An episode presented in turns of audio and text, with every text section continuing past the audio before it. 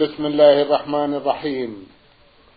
الحمد لله رب العالمين والصلاة والسلام على نبينا وسيدنا محمد وعلى آله وصحبه وسلم. مستمعي الكرام السلام عليكم ورحمة الله وبركاته وأسعد الله أوقاتكم بكل خير. هذه حلقة جديدة مع رسائلكم في برنامج نور على الدرب. رسائلكم في هذه الحلقة نعرضها على سماحة الشيخ عبد العزيز ابن عبد الله بن باز الرئيس العام لإدارات البحوث العلمية والإفتاء والدعوة والإرشاد. مع مطلع هذه الحلقة نرحب بسماحة الشيخ ونشكر له تفضله بإجابة السادة المستمعين فأهلا وسهلا بالشيخ عبد العزيز. حياكم الله وبارك فيكم. أولى رسائل هذه الحلقة رسالة من إحدى الأخوات المستمعات تقول أنا عين ميم ألف من جمهورية مصر العربية وأعمل مدرسة في المملكة العربية السعودية. تقول قامت إحدى تلميذاتي في الفصل بإعطاء بعض الحاجات مثل قطع الملابس على سبيل أنها هدية وقد قبلتها منها بعد إلحاح.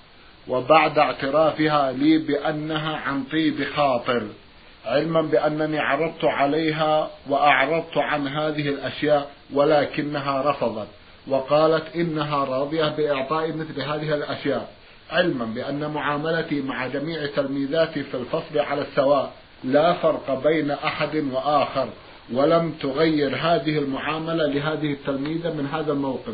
رجاء إفادتي عن حكم الإسلام في مثل هذه الأشياء.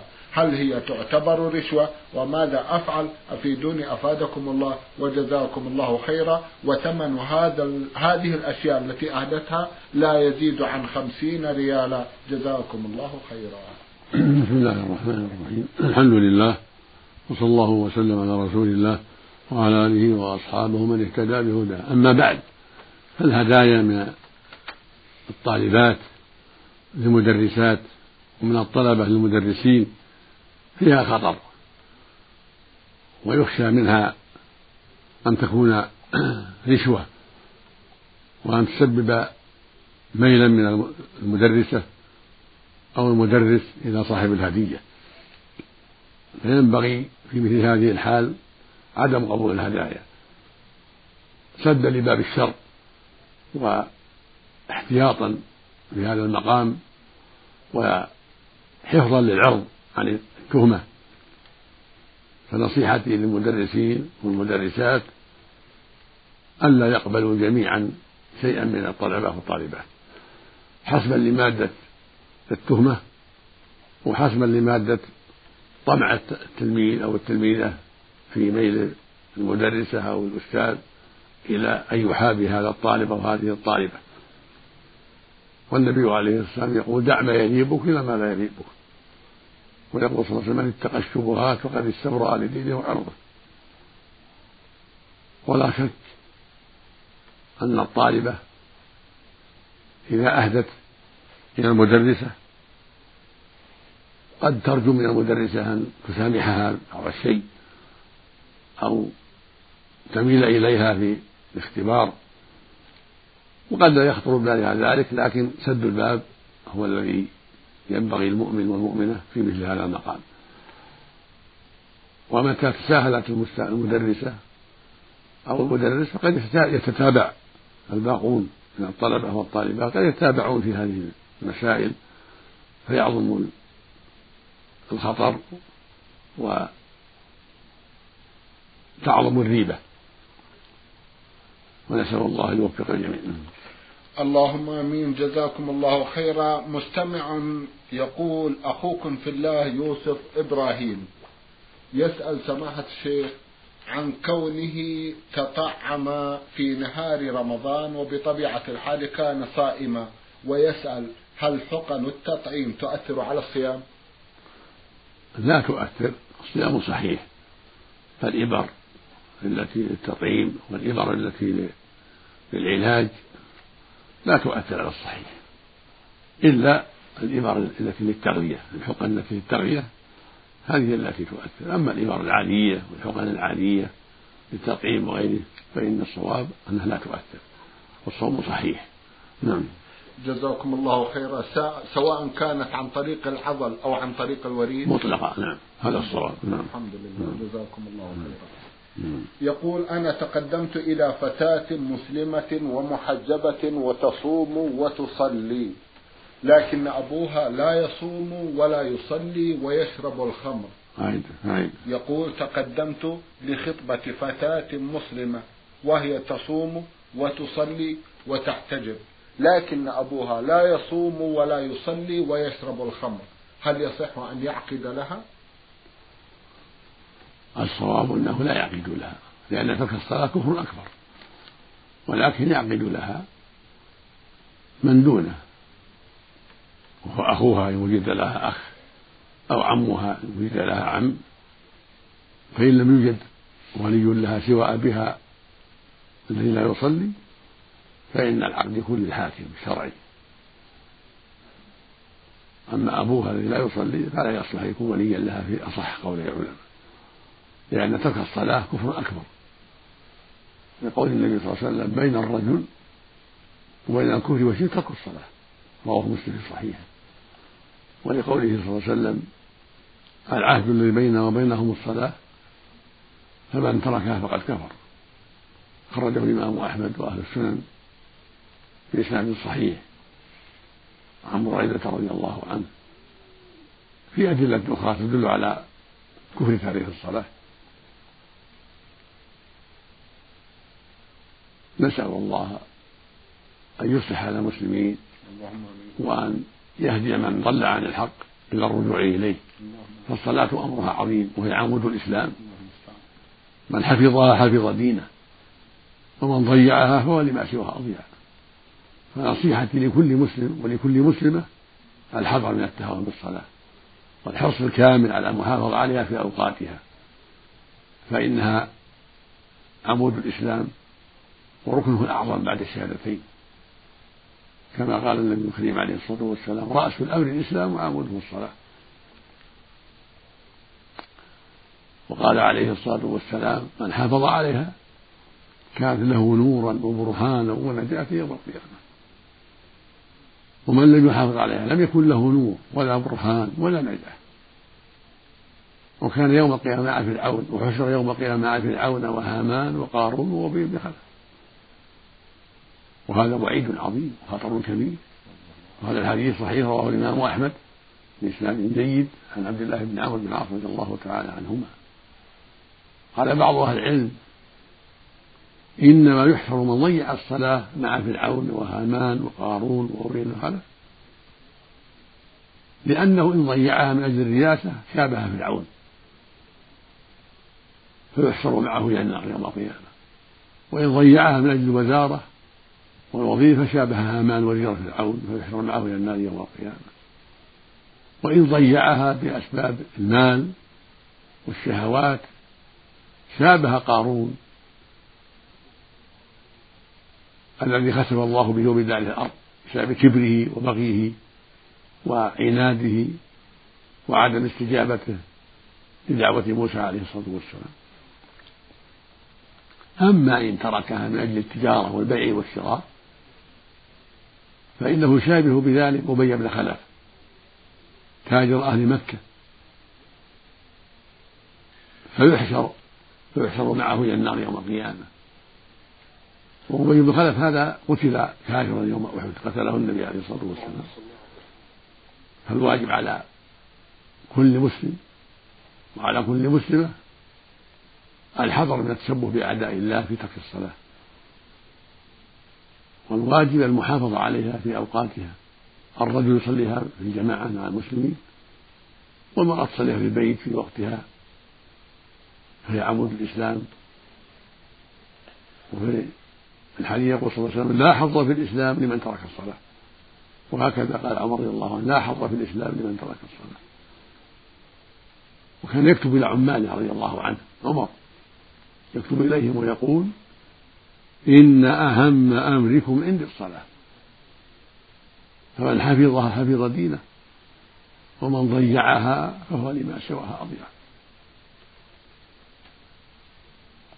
وبعض الناس يترك صلاة الفجر أو يؤخرها إلى بعد طلوع الشمس وهذا منكر عظيم وشر كبير. وربما ضيع صلاة العصر إذا جاء من عمله وهذا أيضا شر عظيم. قد ذهب جمع من أهل العلم إلى أنه يكفر بذلك نسأل الله العافية. إذا تعمد تركها حتى خرج وقتها فيجب الحذر من هذا العمل السيء المنكر. بل العمل الكفري نسأل الله العافية. ويجب على كل مسلم ومسلمة المحافظة على الجميع على الصلاة الخمس في أوقاتها. ولا يجوز لأي إنسان أن يؤخر الصلاة عن وقتها لا الفجر ولا غيرها. الواجب أن تصلى في الوقت والواجب على الزوج والزوجة يتعاونا في ذلك. فهي تعينه ويعينها على أداء الصلاة في الوقت.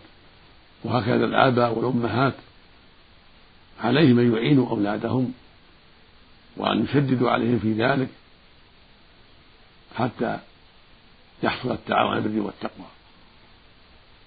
لأن الله يقول سبحانه وتعاونوا على البر والتقوى. ويقول عز وجل في كتابه العظيم والعصر إن الإنسان لفي خسر إلا الذين آمنوا وعملوا الصالحات وتواصوا بالحق وتواصوا بالصبر. فالواجب التواصي بالحق. وأعظم الحق الصلاة. أعظم الحق بعد التوحيد والإيمان بالرسول صلى الله عليه وسلم أعظم ذلك الصلاة. هي أعظم فريضة وأهم فريضة بعد بعد الشهادتين. فالواجب على أهل البيت أن يتعاونوا في ذلك وعلى أهل الحي أن يتعاونوا في ذلك وعلى جميع المسلمين أن يتعاونوا في ذلك بالنصيحة والتوجيه والأمر بالمعروف والنهي عن المنكر وعلى ولاة الأمور. أن يقيموا الحد في من يستحق القتل والتعزير فيما يستحق التعزير لأن من تركها ودعي إليها ولم يتب وجب قتله. ومن عرف بالتساهل فيها معزرا من جهة ولاة الأمور حتى يستقيم فالتساهل في هذا الأمر وسيلة إلى شر عظيم. والحزم فيه والتعاون فيه على البر والتقوى من أهم المهمات. لا في حق الدولة ولا في حق القرابات ولا في حق المسلمين عموما. كلهم يجب عليه أن يقوم بنصيبه من هذا الواجب العظيم. نسأل الله للجميع الهداية والتوفيق. اللهم آمين. جزاكم الله خيرا. المستمع محمد أحمد من الرياض بعث يسأل عن العقيقة. وعن أحكامها وعن مشروعيتها وعن من جاء له خمسة من الولد ولم يذبح عنهم أي شيء. جزاكم الله خيرا. العقيقة هي الذبيحة. التي تذبح عن الطفل. وهي في حق الوالد حق والد الطفل. سنة مؤكدة. غير واجبة بل سنة مؤكدة. عن الطفل الذكر اثنتان وعن الأنثى واحدة. من الغنم مثل الضحية جذع ضان أو ثني معز والسنة أن تكون الشاتان متكافئتين متقاربتين في السن والصفة وأن تكون في سن الضحية هي الأعضان أو ثاني معز فأعلى. والسنة تذبح يوم السابع. هذا هو الأفضل. وإن تأخرت فلا حرج. لكن الأفضل يوم السابع. يقول النبي صلى الله عليه وسلم كل غلام مرتهن بعقيقته تذبح عنه يوم السابع. ويحلق ويسمى. فالسنة أن تذبح عن يوم السابع. وأن يحلق رأسه عن الذكر وأن يسمى. هذا هو السنة. والسنة فيها أن يأكل ما شاء منها ويطعم ما شاء أو يوزعها كلها على الفقراء والمساكين والأقارب والجيران أو يوزع بعضا ويأكل بعضا الأمر فيها واسع بحمد الله. إن ذبحها وقسمها على الجيران والأقارب والفقراء فلا بأس. وإن دعا إليها الجيران والأقارب وبعض الفقراء فلا بأس. وإن وزع بعضا وطبخ بعضا ودعا إليه من شاء من إخوانه فلا بأس. الأمر فيها واسع والحمد لله. نعم. جزاكم الله خيرا. أما أحد الإخوة المستمعين وهو علي عبد العال ومصري يسأل عن عدة أمور. من بينها يقول إنه نذر نذرا يوم أن كان مريضا ومنوما في المستشفى ولم يقم بتنفيذ ذلك النذر حتى الآن فماذا عليه جزاكم الله خيرا؟ النذر فيه تفصيل فإن كان نذر طاعة وجب عليه الوفاء إذا استطاع ذلك لقول النبي صلى الله عليه وسلم من نذر أن يطيع الله فليطيعه. ومن نذر أن يعصي الله فلا يعصيه خرجه البخاري في الصحيح. والله مدح الموفي بالنذر فقال جل وعلا في صفة الأخيار من عباده يوفون بالنذر ويخافون يوما كان شره مستطيرا. وقال جل وعلا وما أنفقتم من نفقة أو نذرتم من نذر فإن الله يعلمه المعنى فيجازيكم عليه سبحانه وتعالى. فإذا نذر في مرضه إن شفاه الله أن يصوم ثلاثة أيام أن يصوم شهرا أن يصوم أسبوعا أن يصوم أيام البيض. أن يصوم الاثنين والخميس وجب عليه الوفاء. أو قال لله عليه أن إن شفاه الله يصدق بمئة ريال بألف ريال وجب, وجب عليه الوفاء إذا عافاه الله. أو قال لله عليه إذا شافه الله أن يحج أو يعتمر وجب عليه الوفاء يستطاع. فإن لم يستطع يبقى في ذمته دينا حتى يستطيع. وهكذا أشباه ذلك. أما إن كان النذر معصية أو ليس بطاعة فليس لا فلا يجب عليه الوفاء المعصية لا يجوز فعلها كان يقول إن شفاه الله شرب الخمر. هذا منكر نعوذ بالله. قابل العافية بالمعصية. فليس له أن يشرب الخمر وعليه كفارة يمين أو قال إن شفاه الله بنى له بيتا أو زار فلانا أو ما أشبه ذلك فهو مخير. إن شاء فعل وإن شاء كفر عن يمين كفر يمين إلا أن تكون الزيارة طاعة لله كان يقول عافاني الله عدت المريض الفلاني أو اصطلحت مع أبي أو مع أخي لأنها بينهما هجرة يوفي بالنفع. لأن هذه عبادة قربة الصلاة مع إخوانه ومع أقاربه ترك الشحنة أو قال إن الله ير الله علي إن شفاني الله من أن أصنع وليمة للفقراء. هذه طاعة الله يفعلها أما إن كان مباح مثل ما تقدم ولو قال الله علي شفاني الله أن أعمر الدار الفلانية أو آكل من اللحم الفلاني أو أصنع الطعام الفلاني لنفسي هذه مباحات. إن شاء فعلها وإن شاء كفر عن يمينه. أما إن كان المكروه كان يقول إن شفاني الله وعافاني ترك صلاة الضحى. أو ترك سنة الظهر. هذا نذر مكروه.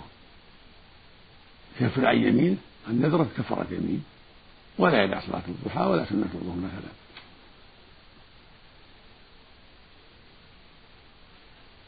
وبهذا يعلم أن النذر فيه تفصيل كما سمعت. نعم. جزاكم الله خيرا. رسالة من إحدى الأخوات المستمعات تقول اسمي السيدة أم أحمد. تقول إنها في الخامسة والثلاثين من عمرها تصلي وتصوم أيام شهر شوال ورجب وشعبان. ولكن الدورة تمنعها من صيام هذه الأشهر الثلاثة. فهل يجب صيام الأشهر الثلاثة أم أيام منها فقط؟ جزاكم الله خيرا. أيام الدورة هي محل الصيام. لا في رمضان ولا في غيره إذا صامت شعبان إلا أيام الدورة هذا واجب عليها تفطر أيام الدورة. وهكذا في رمضان عليها أن تفطر وتقضي بدل أيام رمضان. أما ما ترك من أيام شعبان أو رجب أو غير ذلك لا بأس. وإذا صامت رجب وشعبان فلا حرج. وتفطر أيام الدورة. لكن في رمضان إذا أفطرت أيام الدورة عليها أن تقضي. وإذا تعاطت ما يمنع الدورة في رمضان من حبوب أو غيرها فلا بأس. أو تعرض ذلك في أيام الحج فلا بأس. والأفضل عدم صيام رجب وكله. أما إذا صام الاثنين والخميس أو صامت أيام البيض الثالث عشر والرابع عشر والخامس هذا كله طيب في كل شهر. لكن يكره عند جمع من العلم إفراد رجب وتخصه بالصوم. أما إذا صامته مع شعبان فلا حرج. وكذلك إذا صامت غير رجب صامت مثلا شهر محرم أو غيره من الشهور حسب فراغها أو حسب تيسر لا حرج. لكن إذا كانت أيام الدورة تفطر لا تصوم لا في رمضان ولا في غيره. لأن أيام الحيض ليست محل صيام وهكذا أيام النفاس ليست محل صيام نعم. جزاكم الله خيرا. تسأل عن الصبغة السوداء في الشعر إذا كانت لا تخرج من بيتها. الصبغ الأسود لا يجوز. لأن الرسول صلى الله عليه وسلم منع من ذلك. يقول عليه الصلاة والسلام في الحديث الصحيح غيروا هذا الشيء وجنبوا السواد. فالسنة يغير الشيء ما يبقى أبيض. لا يبقى أبيض. الأفضل يغير بصفرة أو حمرة أو سواد مخلوط بحمرة. أما أن يغير بالسواد الخالص هذا هو اللي نهي عنه في الأحاديث الصحيحة لكن إذا غيرت السواد بشيء مع من الحمرة يعني خلط معه شيء من الحمرة حتى يكون بين الأحمر والأسود وهكذا الرجل إذا غير صبغ لحيته بسواد مخلوط بالحمرة فلا بأس. أما الأسود الخالص فلا يجوز لا للرجال ولا للنساء جميعا لأن الرسول منع ذلك عليه الصلاة والسلام. نعم. جزاكم الله خيرا. تقول هل أم زوجي من ذوي الأرحام؟ وإذا لم أصلها هل يكون علي ذنب؟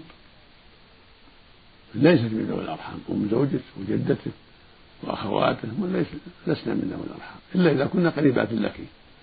لكن بنت عمك أو بنت خالك فهي من ذوي الأرحام. أما كانت أجنبية إذا كانت أجنبية فليست من ذوي الأرحام. ولو كانت أم الزوج. أو أخت الزوج أو عمة الزوج. لكن لو كان الزوج من عمك فأخواته بنات عمك من ذوي من الأرحام.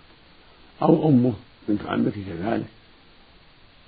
أما مجرد كونها أم الزوج وهي أجنبية ليست من قبيلتك فليست بنت عم فليست من ذوي الأرحام. نعم. جزاكم الله خيرا. تسأل عن علامات الساعة. وهل هذا الجيل آخر جيل كما يقول بعض الناس؟ الساعة لا يعلم قيامها إلا الله. ولا يعلم الجيل لا تقوم فيه إلا الله سبحانه وتعالى.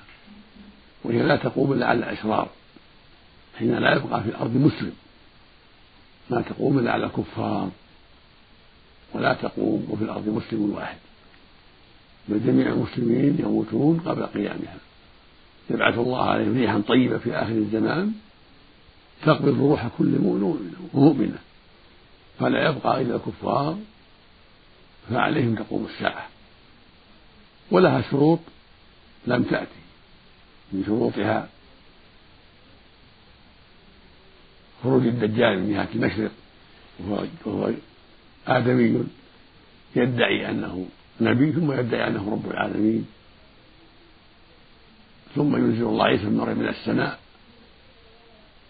فيقتله في فلسطين وهو رئيس اليهود الدجال رئيس اليهود يذهب إليه في فلسطين وينزل الله عيسى فيقتله. من باب الود باب معروف هناك في فلسطين ومن أشراطها خروج يأجوج ومأجوج وهم أيضا من الشر أخبر الله عنه في كتابه العظيم. ومن شروطها هدم الكعبة في آخر الزمان وننفع القرآن من الصدور ومن الصحف حتى لا يبقى في أيدي الناس قرآن. ومن شروطها الأخيرة دخان يغشى الناس ويعمهم. ومن شروطها طلوع الشمس من مغربها بعد المشرق تطلع من المغرب. طلعت من مغربها آمن الناس. لكن لا يقبل الله إيمانهم بعد طلوع من مغربها. يبقى المسلم على إسلام والكافر على كفر. وآخر الآيات نار تحشر الناس إلى محشرهم. تخرج المشرق في بعض الأحاديث من قعر عدن من الجنوب ثم تسوقهم إلى محشرهم. في آخر الآيات. وفي آخر الزمان كما تقدم قبل أن تقوم الساعة يرسل الله ريحا طيبة لينة فتقبل روح كل مؤمن ومؤمنة. ولا يبقى في الأرض إلا كفار. في خفة الطير وأحلام السباع. يتحارجون يعني يتناكحون في الأسواق ويعبدون الأوثان والأصنام ولا يعرفون الله طرفة عين. بل هم في كفر وضلال وجهل وأخلاق خبيثة. فعليهم تقوم الساعة. نسأل الله العافية والسلامة نعم. اللهم آمين. جزاكم الله خيرا. تقول مرضت لمدة سنة ونصف وخلال فترة المرض لم أصلي. هل علي أن أقضي تلكم الصلاة؟ نعم. عليك أن تقضي جميع الصلوات التي تركتها بسبب المرض لأن هذا جهل منك وغلط منك. الواجب قضاؤها مع التوبة إلى الله والندم والرجوع إليه سبحانه وتعالى وكثرة الاستغفار والعمل الصالح. نعم. جزاكم الله خيرا. سماحة الشيخ في ختام هذا اللقاء أتوجه لكم بالشكر الجزيل. بعد شكر الله سبحانه وتعالى على تفضلكم بإجابة السادة المستمعين وآمل أن يتجدد اللقاء وأنتم على خير. نرجو ذلك. اللهم مستمعي الكرام كان لقاؤنا في هذه الحلقة مع سماحة الشيخ عبد العزيز ابن عبد الله بن باز الرئيس العام لإدارات البحوث العلمية والإفتاء والدعوة والإرشاد. شكرا لسماحته. وأنتم يا مستمعي الكرام شكرا لحسن متابعتكم وإلى الملتقى وسلام الله عليكم ورحمته وبركاته.